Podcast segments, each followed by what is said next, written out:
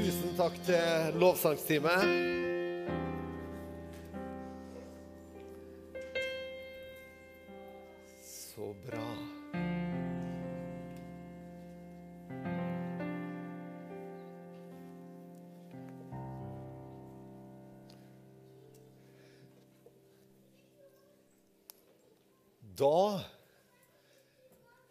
Hadde egentlig i dag Kan jeg få lov til å si hva jeg egentlig hadde gledet meg til i dag? Du skjønner at jeg tefta jo at en Olaus eh, Skarsheim skulle egentlig være sammen med oss i dag. Så jeg hadde tenkt å intervjue en eh, Olaus i dag. Fordi at eh, jeg tenkte at han hadde bedre, han hadde bedre peiling på prekena enn hva jeg har. For i dag så heter prekena hjemmebane, bortebane. Og så heter det jo da at man har en fordel av å spille på hjemmebane. Det er ikke alltid man utnytter seg av den fordelen, må vi vel si, fra gårsdagen. Så, så, jeg vet det er folk iblant oss som er litt lei seg i dag. Men det går bra. Etter prekenen her så kommer du til å være oppe igjen. ok? Så kan du ikke si det til dem. Det er kanskje noen som sitter attmed deg og trenger trøst. Så si det til dem nå at det, det går bra. Sant? Eh, men i hvert fall så er, er det her eh, talen min. Men bortebane og hjemmebane Det er faktisk sånn at eh, eh, når man spiller cup, så er det sånn at eh, Enkelte cuper, i hvert fall. Jeg kan vel ikke uttale meg om alle. Men så er det faktisk sånn at det å spille på bortebane, det er en sånn Det er egentlig det er, en, det er en sånn fordel å ha hjemmebane. da at til og med hvis bortelaget scorer, så teller målet mer på bortebane. Altså, Det er vanskelig å skjønne hvis en ikke har eh, spilt fotball. er det ikke? Hva er, ja, men Er ikke fotballen like rund? liksom? Er ikke reglene de samme? Er det ikke? Jo, men du skjønner at eh, de som er på hjemmebane, de har publikum i ryggen. Og enkelte stadioner nedover Europa så er det faktisk sånn at det er fryktinngytende å spille på, på bortebane. Er, nå husker jeg ikke om det var i Jugoslavia eller hvor det var, men det er bortebane der, der bortelaget som kommer på besøk, de marsjerer ut på banen gjennom en tunnel som går under hjemmetribunen. Er det noen som vet hvor det er? Zagreb? Er det Zagreb? Røde Stjerne, ja. Det stemmer. Vi, vi har en fotball... Ja, jeg har litt backing her fra sida. Og når de går i den tunnelen under tribunen, da tramper alle sammen. Skal vi prøve her, da? Har vi noe Og da rumler det bare i hele denne, denne tunnelen. Da, så du bare kjenner ah, Hva skal vi nå? Og, så da er det en klar fordel. Og jeg tror mange ganger at det er litt sånn i våre liv også at vi, vi har ulike arenaer vi har ulike arenaer i livet vår, eh, og vi har ulik følelse med å være på forskjellige arenaer i livet. Altså Når du møter venninna di, og de tar en kopp kaffe og de sitter ned og slapper av, så er det for din del så er det en skikkelig hjemmebane. Det er en skikkelig arena der du liksom kjenner at du senker skuldrene og slapper av. sant? Jeg håper det er sånn for de fleste av oss når vi kommer hjem, at det ikke er noe som stresser oss, eller noe som på en måte gjør oss oppgaver, men at eh, det å komme hjem er en opplevelse av at åh, nå kan jeg slenge fotene på bordet eller eh, legge meg i sofaen. Nå kan jeg slappe av. Og Hvis du ikke har det sånn, så er det trist. Så jeg håper at vi kanskje kan eh, være med å oppmuntre det da, til å få noen endringer der. Men det er jo det vi tenker på med hjem, er det ikke? At vi liksom, Der kan jeg være meg sjøl, der kan jeg slappe av. Der kan jeg til og med ta av maska. Sant? Er det noen som gjenkjenner? Kanskje noen, ja. Eh, og så har vi andre ting som eh, utfordrer oss skikkelig. Noen blir til og med utfordra av å ta en telefonsamtale. Jeg driver og lærer opp ungdommer til å ta en telefonsamtale. De syns det er veldig vanskelig å ringe til et offentlig kontor. eller noe sånt. Det er, det er en opplevelse av det er skikkelig ubekvemt eller det er en skikkelig bortebane. da. Det er liksom Nei, jeg liker ikke det her. Jo, jo, jo, men du må gjøre det. Du må lære deg til det. Og jeg tror det er mange ganger sånn at vi trenger å lære oss å spille litt på bortebane. Og hvis vi tar det her inn i kirkesammenhengen, da, som vi er i, så er det faktisk sånn at eh, her i menigheten her har du dine trosfeller. vet du. Her har du folk som tenker som du, ganske sånn, i hvert fall noenlunde, og som har litt de samme holdningene. Og, og Derfor så er det litt godt å være her. Her synger vi koselige sanger sammen, og, og vi vugger litt i takt innimellom. sant? Å, det er så fint, for nå er vi hjemme. sant? Vi, vi, det er liksom ikke noe motstand, eller det er ikke noe vanskelig, for her kan vi slappe av. Men så fins det så mange andre arenaer som faktisk du og jeg trenger å våge å være på. Og våge å på en måte stille oss tilgjengelig for å være med. Kanskje det oppleves som en bortebane, men når du er villig til å gjøre det, så åpnes mulighetene for det. Jeg har lyst til å begynne med ei historie. Jeg var i eh, India for mange mange år siden. Så var jeg sentralt i India eh, og var med der på Det var nok Eon Dag Hegseth da, som var på tur eh, sammen med et team. Og da var det sånn at Jeg var på en flyplass, og på den flyplassen når vi satt og venta, så, så ser jeg en mann som er kledd i hvite laken. Han var hvit fra topp til tå i laken, og så hadde han bare et svart bånd rundt, eh, rundt, hodet som holdt på en måte hodeplagget på plass. Og så står jeg der og så tenker jeg, En sånn mann har jeg aldri snakka med. Det må jeg gjøre.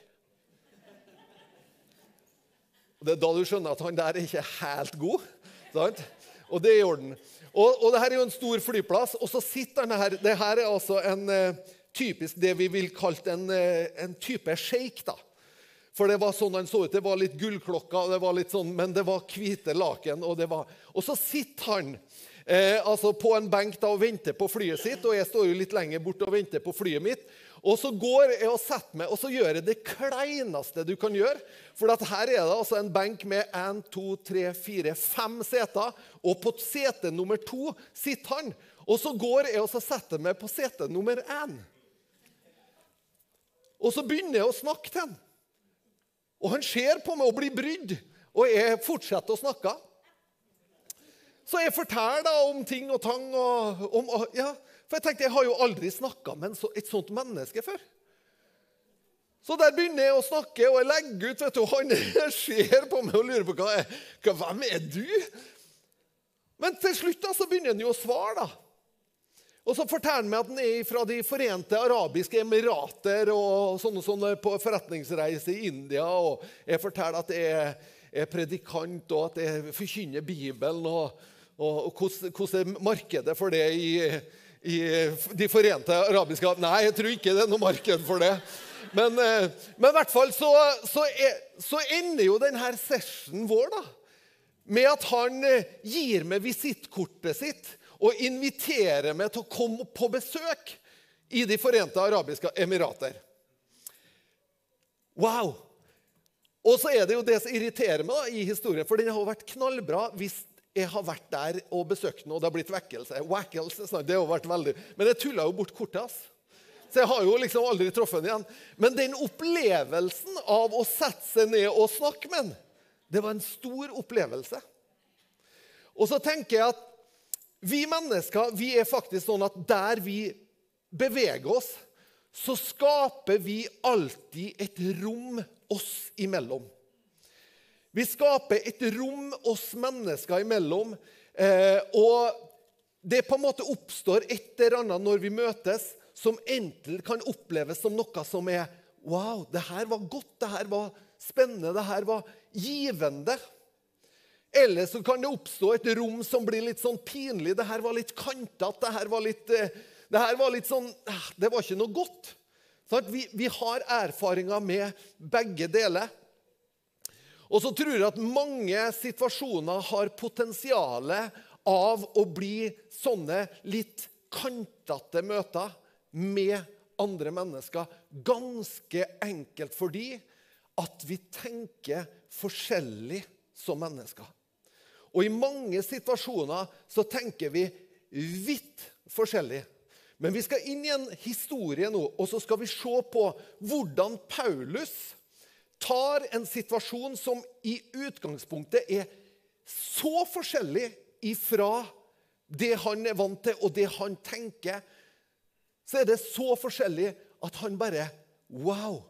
Hvordan skal jeg gjøre det her? Men så skaper han et rom som blir nært, og som er med å bygge bro og forståelse. Og Det er litt derfor som vi har kalt eh, talen i dag for bortebane, eller hjemmebane og bortebane. Eh, og så har jeg også noe vi kaller for nøytral grunn. Og Hvis vi tar oss tilbake nå til eh, det som skjedde da, det her er i Aten, og bildet er en illustrasjon av det som kaltes da for agoraen, eller torget. Det som vi kanskje ville ha kalt et torg, det er nøytral grunn. er det ikke? Der, er liksom, der henger alle typer mennesker, og, og, og, der er det liksom fritt fram for alle å bevege seg. Men Paulus, når han kommer til Aten, så er det faktisk sånn at det her er det som møter Paulus. Paulus, Det står at mens nå Paulus venta på dem i Aten, ble han opprørt i sin ånd da han så at byen var full av avgudsbilder. Det vil si, Paulus kom fra en kultur der det ikke fantes avgudsbilder. Han var jøde, og han hadde lært seg at som jøder så tror vi at Gud ikke er skapt av menneskehender, men Gud han har skapt alt. Så Gud er ikke et bilde. Og så kommer han til Aten, og så er kulturen tvert imot. Det kryr av avguder. Sånn at i utgangspunktet, når det står at han ble opprørt i sin ånd, så betyr jo det på en måte at det her var så annerledes. Det var så vidt forskjellig fra det han var vant til, og det han opplevde som rett. Og nå vet jeg om du noen gang har vært i situasjoner der du også opplevde at det her er så, det er så annerledes. Jeg føler meg opprørt. Altså, jeg, jeg kan være sånn når jeg ser på Dagsrevyen, så kan jeg bli opprørt i min ånd. For jeg tenker at det her som foregår i landet vårt nå, det er så annerledes enn det gode som Gud egentlig ønsker at det skal være. Og da blir jeg litt sånn opprørt. Er det noen som gjenkjenner den? Fire stykker. Fem, sju. Takk. Så bra. Altså, Vi kjenner at det er ting som rører seg på innsida av oss, som, som på en måte stritter litt imot. Det, det går imot trossystemet vårt. Og Det som er interessant å vite, da, det er hvordan håndterte Paulus det? Gikk han ut på gata og sa det er, det er et eget språk. Og, som betyr at du er irritert. Eh, eller satte han seg ned på nett og skrev hvor irritert han var og skjentes på alt og alle og peka finger i alle retninger. Altså, Det ligger litt sånn, Egentlig så ligger det altså Jeg får litt sånn behov. Jeg. Når, når jeg er helt uenig, da får jeg behov for å Uttrykke meg, gi uttrykk for Jeg er sterkt uenig i det her. Sant? Men hva gjorde Paulus? La oss se litt på det. For det her er en en eh, god historie for oss. Nå blir det litt tekst ned, altså Apostlenes gjerninger 17. Og så blir det litt tekstlesning, og så skal vi se om vi gjenkjenner hjemmebanen og bortebanen og den nøytrale grunn. Cupfinalen vet du, den spilles på Ullevål, for der er en nøytral grunn. Så der er det litt annerledes. Jo, der står det at i synagogen førte han samtaler med jødene og dem som dyrket Gud. Så der var han hjemme, var han ikke? Der følte han seg hjemme. Han kom til Aten. Det var et kjent punkt. Han oppsøkte en menighet. Der var det likesinnede. Og så kunne han jo ha satt seg der da, og blitt værende i menigheten og, og, og sittet der og offa seg. Kunne han ikke det? Han kunne jo det offa seg og sagt at hva i all verden er det som skjer i Aten? altså? For en plass! Kjenner du igjen denne? For en plass! Du får denne, denne Det er veldig spesielt. Får den liksom spretten der, da er du irritert, altså. Og på torget Agoran snakket han hver dag med dem han traff. Noen av de epikureiske og stoiske filosofene diskuterte også med han. Og noen sa, 'Hva er det egentlig denne pratmakeren har å si?' Men andre mente, 'Han er, eh, er visst en som forkynner, forkynner fremmede guder.' Det var fordi han forkynte evangeliet om Jesu oppstandelse. Da tok de han med seg og førte ham til Areopagos. Da er, det, da er du skikkelig på bortebane. Når du blir ført opp til Areopagos, Areopagos, da er du så på bortebane at hva gjør jeg der? Der er du plutselig sammen med de her filosofene og sammen med dem som mener noe totalt annet enn det. Og sa, 'Kan vi få vite hva for slags ny lære du kommer med?' For det er merkverdige ting vi hører, og vi vil gjerne vite hva det egentlig dreier seg om. Verken atenerne eller utlendingene som bor der, bruker tiden på noe annet enn å fortelle og høre om nytt. Så Her ser vi hvordan Paulus beveger seg. Han er på hjemmebane, og det trenger vi å være. Vi trenger å være på hjemmebane sammen med våre egne i menigheten. Vi trenger å være i fellesskapet der på en måte vi blir oppbygd og vi blir oppmuntra og vi blir styrka i det vi står i i hverdagene våre. Men vi trenger også å bevege oss ut på, på agoraen. Vi trenger å våge å være på andre arenaer, som ikke trenger å være liksom, eh, liksom positiv eller negativ arena. Bare at det fins en arena. Og på den arenaen som er en nøytral grunn, så trenger du og jeg å være til stede. Sånn at vi også får en oppfattelse av hva er det egentlig som rører seg i mennesker sine liv. Hva er det som, er det som skjer? Hva er det, som, hva er det på en måte det går i? Og så kan vi bli litt sånn Ja, men da gjenkjenner vi, da veit vi hva som rører oss, og røre seg. Og da kan vi ta del av det og søke en større forståelse. Jeg vet ikke om du er sånn som meg, men jeg har opplevd mange ganger at jeg har syntes noe om en viss type mennesker. Og når jeg har blitt kjent med dem, så er det ikke så lenge, like enkelt å synes. Du blir litt mer løsningsorientert. Så blir du mer sånn Å ja. Søke å forstå. Og når vi søker å forstå, da er det litt sånn, sånn som Annika talte forrige søndag. Når Philip ble invitert opp i vogna Det er lett å stå på sida og mene noe om en etiopisk hoffmann som fer forbi. Sant?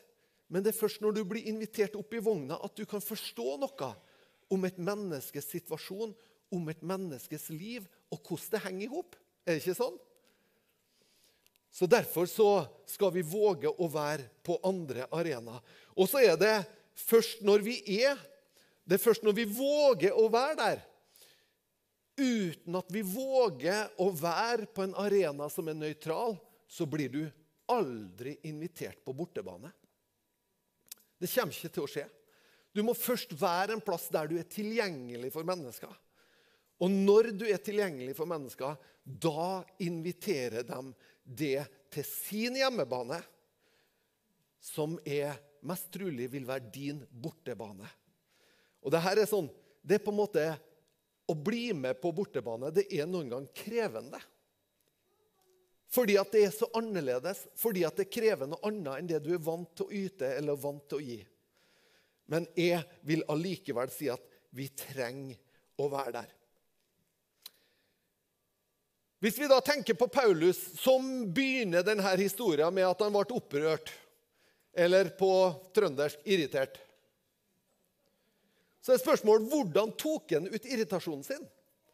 Hvordan så irritasjonen hans ut når han tok den ut i tale? For det er jo det som er spennende nå, som kommer.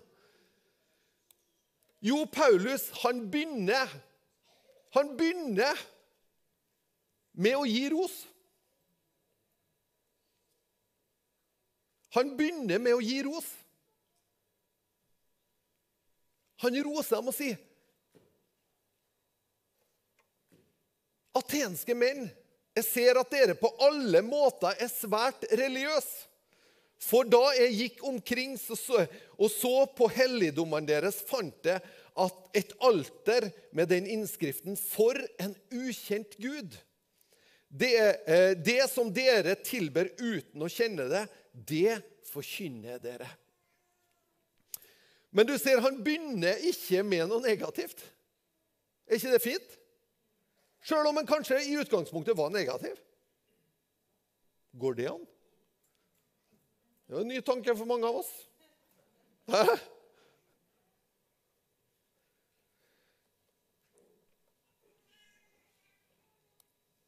Og så ominnrammer han. Han har på en måte noe han ønsker å si, men han ominnrammer.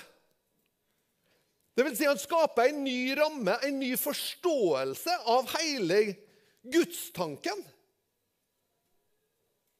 Han ominnrammer det, og så sier han Gud, han som skapte verden og alt som er i den, han som er herre over himmel og jord, han bor jo ikke i templer reist av menneskehender.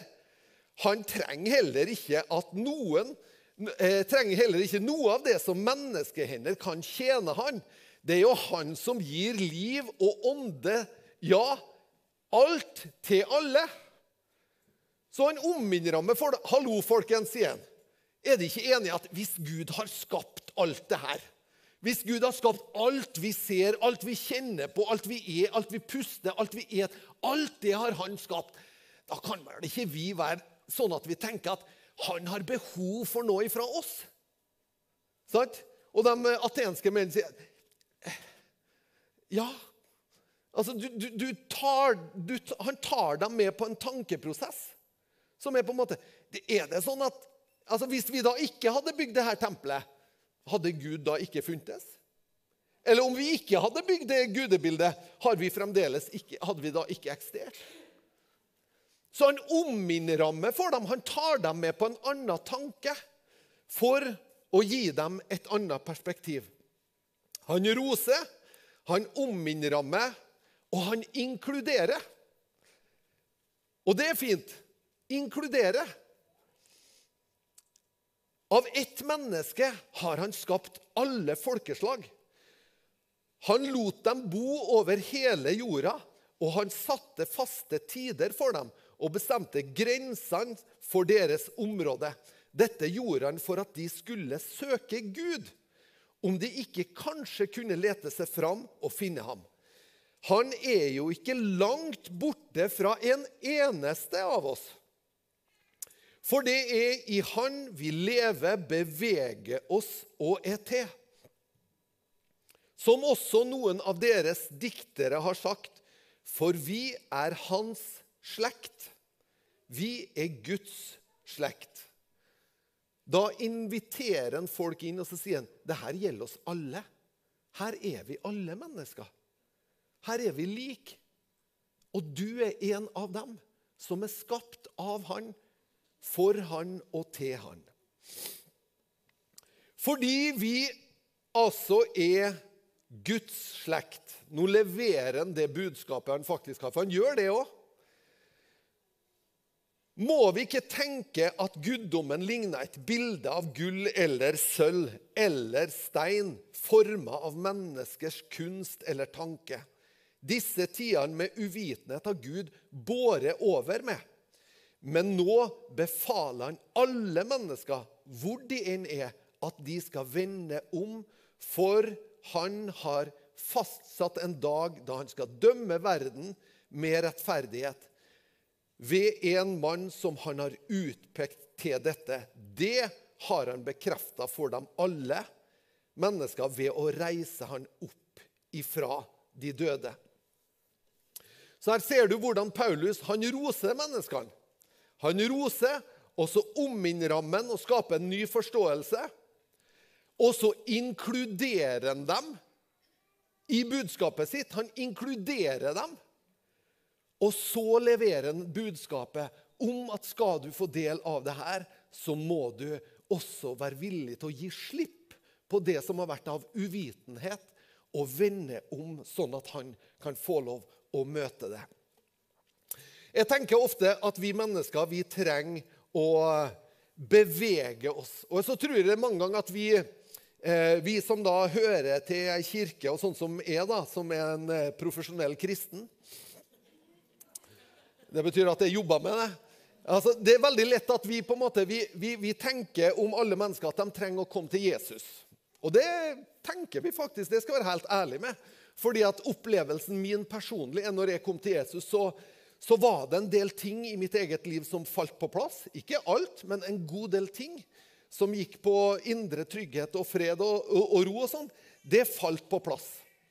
Og Derfor er det lett at vi, vi tenker på en måte at eh, vi ønsker at mennesker skal komme til det jeg kaller da nullpunktet her. Vi skal komme til en, en opplevelse der på nullpunktet, det er der du møter Jesus. Der, der, på en måte starter du på nytt. Og så er det mange ganger at vi feirer det i kirka. Ja, den eller den kom til tro. Uh, jeg husker når jeg kom til tro. Har de hørt? Han Erlend har blitt religiøs. Det var ryktet som gikk, da. Mens jeg opplevde jo ikke at jeg blitt religiøs. Jeg opplevde at, at skylappene var borte, og at jeg har fått liv. Sant? Men det er ofte så har vi et fokus på akkurat det punktet der mennesker på en måte kommer til en egen personlig erkjennelse. Men jeg har lyst til at vi som kirke skal tenke på hele denne skalaen, der minus 10 kanskje er eh, en venn av det som er ateist, og der eh, pluss 10 er en eh, moden og sjølgående kristen. Og så tror jeg at vi skal få lov å være med og vandre folk på denne skalaen. Vandre dem som er på, på minussida Vi tror ikke at de er minus, at de er negative sånn ellers. Dette er en illustrasjon. sant? Så at vi kan få lov å vandre kanskje ateisten. da, Bevege han litt og si at ja, ja, men syns du ikke at er, livet er litt for komplekst og sammensatt til at alt kan være så så liksom, Det finnes ingen Gud. For det er jo, ateisten er jo der. Det finnes ingen Gud. Og så når ateisten blir litt åpen, så sier han at eh, nei, jeg er ikke lenger ateist. Jeg er, er åpen for at det kan være noen andre ting. Så da beveger jeg meg et steg og så sier jeg, nå er jeg agnostiker. Da, ja, det kan være noe. sant? Og jeg tenker at det er verdt ei lite hurraluja, det òg, tenker jeg. Det er, en, altså det er, jo et eh, steg i rett retning, ikke? Men det er altså svært ofte så alt som er på denne, den, den, den minussida, der er vi liksom livredd, for der, der, hører jo ikke vi hjemme. Vi vil jo at folk skal komme til null tvert, og så begynne med Jesus, og så blir det alt, alt salig. Men vet du, jeg syns det er spennende for oss å tenke at her finnes det masse mennesker som ennå ikke har kommet til det nullpunktet i livet sitt, eller ennå ikke har kommet og lært å kjenne Jesus. Men hvordan kan du være et medmenneske for dem, som er med å vandre dem hjemover? Som er med å ta et steg eller to. Ta et steg imot, kanskje ikke til tro fullt ut, men i hvert fall et par steg, sånn at det blir en åpning for å tenke tankene. For hva skjer når det kommer ei åpning for å tenke tankene? Jo, da går jo tankene videre, gjør de ikke? Jeg har vært med og vandra mange mennesker hjem, som jeg sier. Jeg har vært med og opplevd at mange mennesker som har sittet og sagt at 'jeg tror ikke det finnes en Gud', til å bli åpen for tanken fordi at man prater sammen. Man skaper en forståelse sammen. Og så kanskje jeg kan gi svar på noe, og så kanskje den kan gi meg andre perspektiver òg. Og så kan man være med å bevege mennesker imot Kristus. Og så får de gjøre seg egne opplevelser. Og når du blir en kristen, så er det jo ikke sånn at alt er ferdig da heller. Det er jo Da begynner jo ei spennende vandring. I modning og i vokster som vi også skal si mer om. Men jeg hadde bare lyst til å bruke denne illustrasjonen sånn at du kan tenke at eh, ja, det her er faktisk viktig. Samme hvor et menneske er, så er et menneske viktig for Gud. Og så er mennesket i en prosess. Og så kan du være en, du kan være en grinebiter da, som får agnostikeren til å bli ateist. Nei, altså Hvis Guds representanter oppfører seg sånn, så tror jeg ikke engang at det fins en Gud. Sant? Trenger ikke å skremme folk. Du kan heller hjelpe folk. Ok, De skjønner tanken min. Jeg tror det er, Nå snakker jo jeg om en menighet i Oslo. når jeg snakker om. Det er jo ikke dere. sant? Det er jo en helt annen plass folk har sånne holdninger. Ok, eh, Og så har jeg bare lyst til å avslutte med et bilde fra kirka i Kristiansund. Dette er eh, den store kirka i, i Kristiansund. Og det her er på en måte, Du ser jo ikke så mye av kirka, men du ser eh, det som er av eh, glasskunst i denne kirka. Og det her illustrerer for meg Det illustrerer eh, den her Du ser over bjelkelaget. Det her er jo arkitektur. Og over bjelkelaget så er det liksom Der begynner de lysere fargene.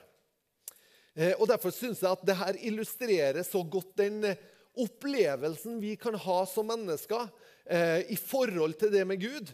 Jeg tror at, eh, at Hvis vi tenker altså at vi beveger oss i livet, og så ser du at det er ganske mørke farger og, Men så ser du at det er enkelte lyspunkt. Og Sånn tror jeg det er i de aller fleste menneskers liv. Så fins det enkelte lyspunkt i forhold til det med Gud. Så fins det noen opplevelser. Det finnes ja, jeg har ikke så mye bra jeg kan si, men, har, men bestemora mi hun var en troende, og hun var et veldig varmt menneske. Det er sånn, et lyspunkt i et menneskes historie. Og jeg tror at Veldig mange ganger så tenker vi som er, vi som er troende da, vi tenker, vi tenker på andre mennesker at de skal få en opplevelse. Bang! Så ramla Gud i hodet på dem. Og så ble alt snudd opp ned. Men de aller fleste mennesker som jeg kjenner, de er i prosesser i livet sitt. Og de får opplevelser, ja. Det gjør de. Men den opplevelsen den tar de med seg, og så er det en del av det de har opplevd. Og så kanskje de kommer tilbake til den opplevelsen. Og så kanskje de begynner å tenke Hva var det egentlig der? Skjønner du? Men det er ikke sånn at liksom, får du en opplevelse med Gud, så blir du automatisk en kristen. Jeg tenker på Jakob i Det gamle testamentet. Det er historie om en mann. og han var litt... Jakob betyr egentlig luring. Sant? Og han hadde en sterk gudsopplevelse. Han, eh, han møtte Gud når han lå og sov, og han la hodet sitt på en stein. Og Der hadde han en opplevelse av at han så et syn med Guds engler, og det var voldsomt. Så han, han ble berørt, liksom. Og hva sa han da? Det her er Guds hus. Det her er Betel, sa han. Guds hus. Her er Gud til stede. Det var det han sa. Og Så reiste han seg opp og så dro han videre, og så ble han ikke forvandla i det hele tatt. Har du lest historien om ham?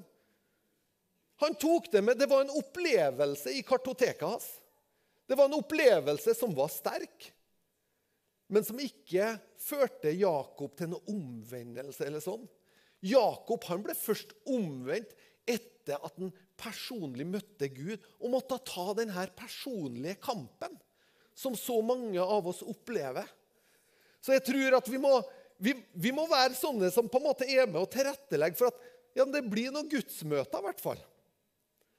Sånn at du kan være et menneske i andre menneskers liv som er på en måte en sånn Det er i hvert fall, det var noe der. Det var noen som var med og tente et lys i mitt mørke.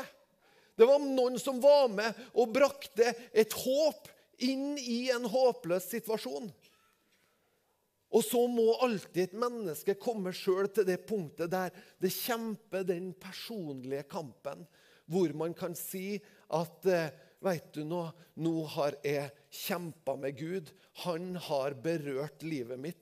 Nå har det skjedd noe som gjør at jeg er et annet menneske. Jakob han ble et annet menneske. Han fikk til og med et nytt navn. Han fikk navnet Israel etter den kampen. Men jeg syns det er fint å tenke på at vet du nå, i våre liv som mennesker så fins de her berøringspunkter. Jeg tror de aller fleste har berøringspunkter der Gud har vært inne. For meg så var jeg på en, en skileir på Oppdal.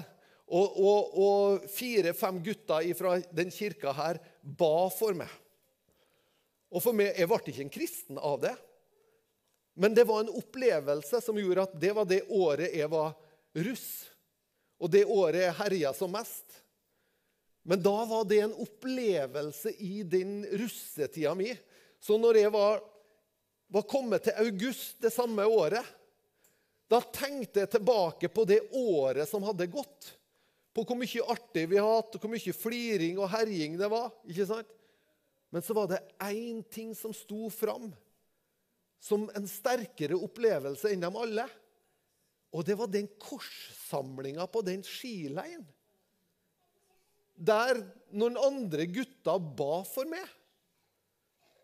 Og så ble på en måte den opplevelsen noe som gjorde at jeg bare jeg måtte gå til Gud sjøl og si, 'Gud, nå kommer jeg.'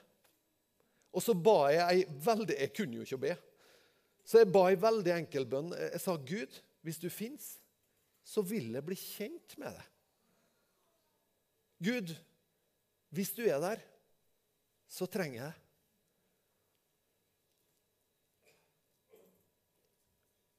Og jeg tror på en måte den, det å våge å åpne opp Våge å stille spørsmålet.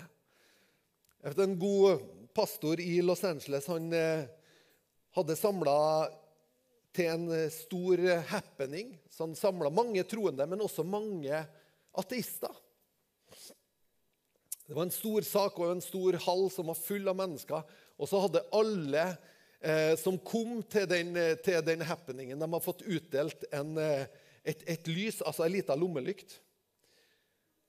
Og så stiller han følgende spørsmål. Hvor mange er her i kveld? Hvis du er her i kveld, og du er ateist, men du sier hvis det fins en Gud, da vil jeg at han skal finne meg. Hvis du tenker at det ikke finnes noen Gud,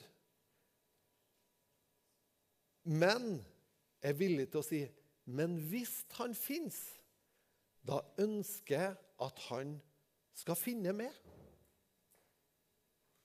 Hvis den fins. Vi skal be.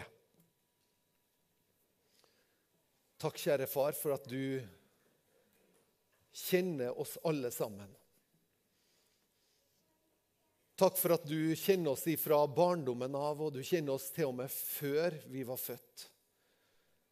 Så ber jeg, Herre, at du skal hjelpe oss i denne vandringa, på denne vandringa hjem til det, Herre.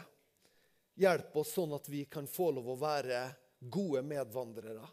Hjelp oss sånn at vi kan få lov å ominnramme, skape ny forståelse, være med i prosessen. Hjelp oss, Herre, sånn at vi kan få lov å være med og bety noe for andre mennesker. Hjelp også oss som er her i dag, som ikke kjenner det. Hjelp oss sånn at vi kan få lov å bli litt bedre kjent med det. Og få lov å ta de her stega sjøl. Inn i det vi ikke kjenner. Vi takker deg for det, far, i Jesu navn. I Jesu navn. Amen. Amen.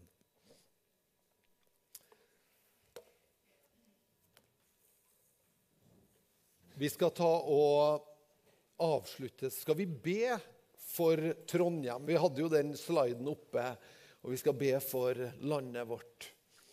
Og hadde den sliden oppe litt tidligere. Jeg kjenner jeg har en veldig lengsel etter at eh,